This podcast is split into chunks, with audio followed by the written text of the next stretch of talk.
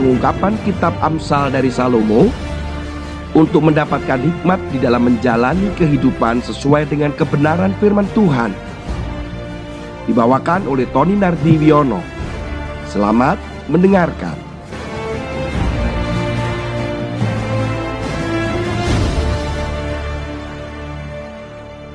Shalom.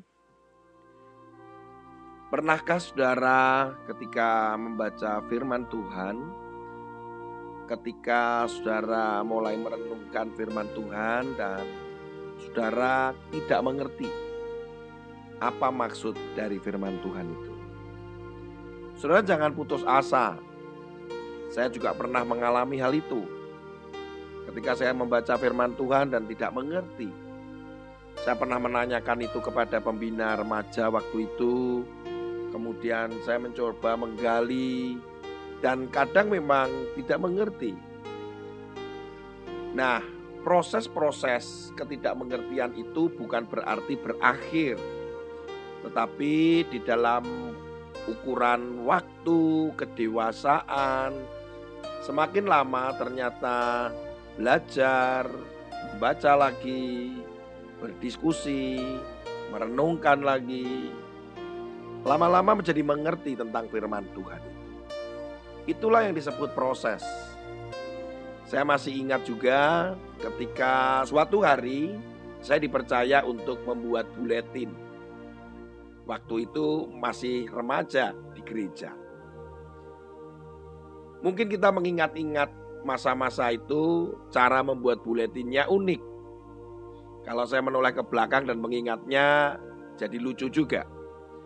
Bagaimana saya harus mencari tulisan demi tulisan melalui majalah, koran, kemudian mulai menempel di sana, di sini. Dan saat itu juga menulis dengan tangan, fotokopi, kemudian juga mewarnai. Artinya bahwa sangat manual sekali. Kemudian mulailah berkembang adanya komputer. Saat itu dengan komputer saya mulai belajar untuk membuat sebuah tulisan atau artikel mulai belajar menggunakan komputer. Saudara ingat program bernama WordStar. Menggunakan WordStar, kemudian mengetik bagaimana untuk membuat tulisan tebal, miring atau italik, tebal atau bold, uh, kemudian garis bawah, dan mulailah senang karena saya bisa belajar sesuatu yang baru. Kemudian untuk lebih canggih lagi mulai muncullah yang namanya software Print Master. Di situ sudah ada clip artnya, kita harus berganti floppy disk untuk mendapatkan clip art demi clip art sampai beberapa floppy disk. Semakin senang karena di print dengan dot metric, kemudian digunting, ditempelkan di buletin. Semua orang bisa membaca dan remaja di gereja juga senang dan saya dipuji dan saya melihat kepuasan di situ. Tapi ternyata dunia ini berkembang terus. Yang akhirnya bukan hanya WordStar, kau tidak hanya print master, terus berkembang, terus terus berkembang. Sampai akhirnya pada Corel Draw, kemudian sampai uh, Photoshop dan seterusnya. Dan itu proses itu berkembang sampai hari ini. Kalau seandainya saya berhenti tidak mau melakukan pembelajaran atau saya berhenti karena saya merasa puas, maka saya tidak akan pernah mengerti apa-apa sampai hari ini. Dunia ini terus berkembang dan memerlukan proses belajar bagi kita, walaupun kita usia kita bertambah. Mungkin waktu kita bisa saja waktu kita semakin pendek untuk melakukan pembelajaran atau kita malah punya waktu yang luang. Tetapi proses belajar itu merupakan pertumbuhan secara pikiran kita dan terus belajar untuk menjadi lebih baik. Demikian pula secara rohani, saudara. Kita juga belajar demi belajar, satu demi satu, firman yang kita baca, kita lakukan. Kadang mungkin gagal ketika kita melakukan, gagal mengampuni, gagal kita memberi, gagal kita berpikir tentang hal yang positif, gagal menghibur, gagal untuk mendoakan. Ada begitu banyak. Tetapi itulah yang namanya proses. Yang mana tidak berhenti sampai di sana, tetapi kita terus mengulangi lagi dan belajar lagi, belajar lagi. Dan itulah pertumbuhan.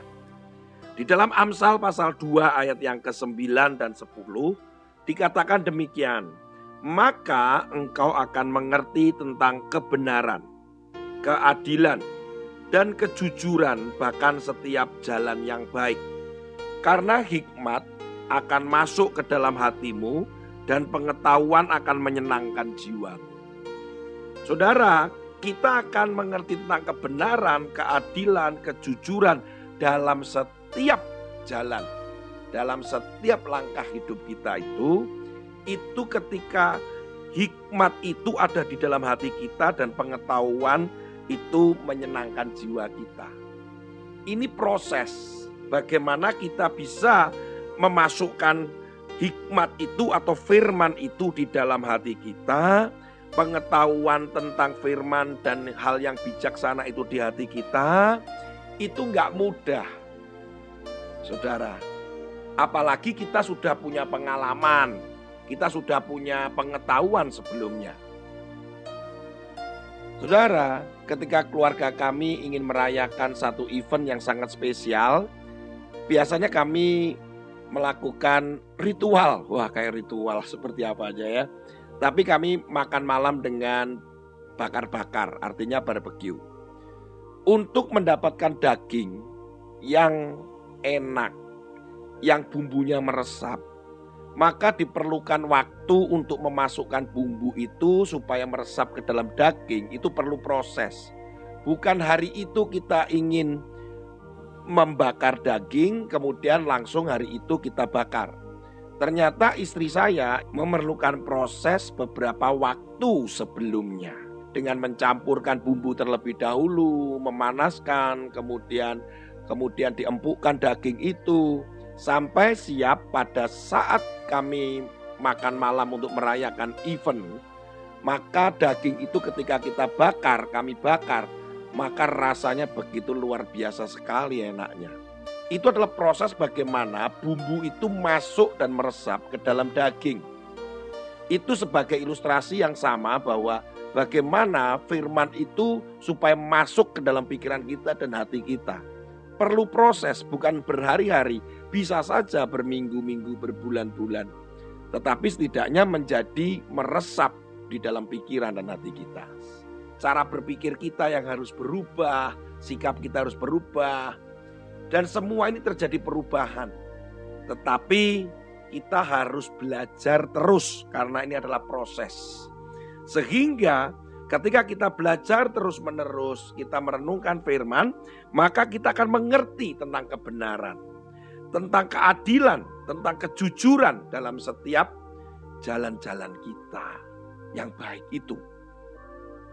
Suatu hari saya pernah mendengarkan Eh, seorang hamba Tuhan menyatakan sesuatu di depan mimbar yang membuat saya begini tidak mengerti saya. Kenapa kalimatnya, ucapannya dan firman yang dijelaskan seperti itu? Saya perlu waktu beberapa hari untuk mengerti dan memahami firman yang disampaikan. Ternyata perlu lagi belajar lagi, belajar lagi. Kalau cukup sudahlah, nggak penting itu Sudahlah, saya nggak perlu itu. Sudahlah, itu kan nanti dipelajari nanti saja. Tetapi itu akan menghentikan pertumbuhan kita. Akan membuat hati kita tidak sehat. Kenapa? Karena nggak bertumbuh. Karena firman itu kita harus belajar dan kita melakukan dan itu membuat kita bertumbuh. Proses itu memang tidak mudah, saudara tapi setiap proses itu akan menghasilkan proses yang lain dan hasil. Saya mencoba untuk menerangkan proses-proses yang terjadi ketika kita membaca firman Tuhan, ketika kita merenungkan firman Tuhan, supaya kebenaran itu, keadilan itu, kejujuran itu tetap ada di dalam hidup saudara dan saya, sehingga ada di dalam hati kita. Yang pertama, proses itu yang terus-menerus adalah kita harus mempercayai dan menghormati Allah. Itu proses.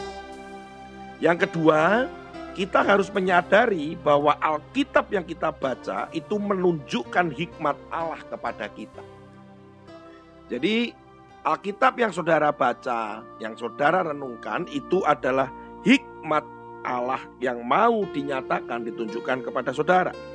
Yang ketiga, kita harus membuat serangkaian pilihan yang benar seumur hidup dan menghindari berbagai perangkap moral. Jadi, yang ketiga ini adalah belajar untuk membuat pilihan demi pilihan. Sementara tekanan, kemudian penyesatan itu terjadi di sekitar kita, dan bagaimana kita bisa memilih dan tetap memilih yang menyenangkan Tuhan sesuai dengan kehendak Tuhan yang tertulis di dalam Alkitab yang adalah hikmat Allah. Jadi pasti ada jebakan-jebakan saudara.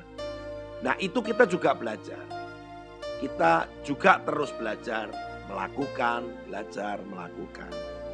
Yang keempat, apabila saudara dan saya membuat pilihan itu salah dan kita penuh dengan dosa, maka kita harus belajar dari kesalahan itu dan kembali pulih dan memperbaikinya.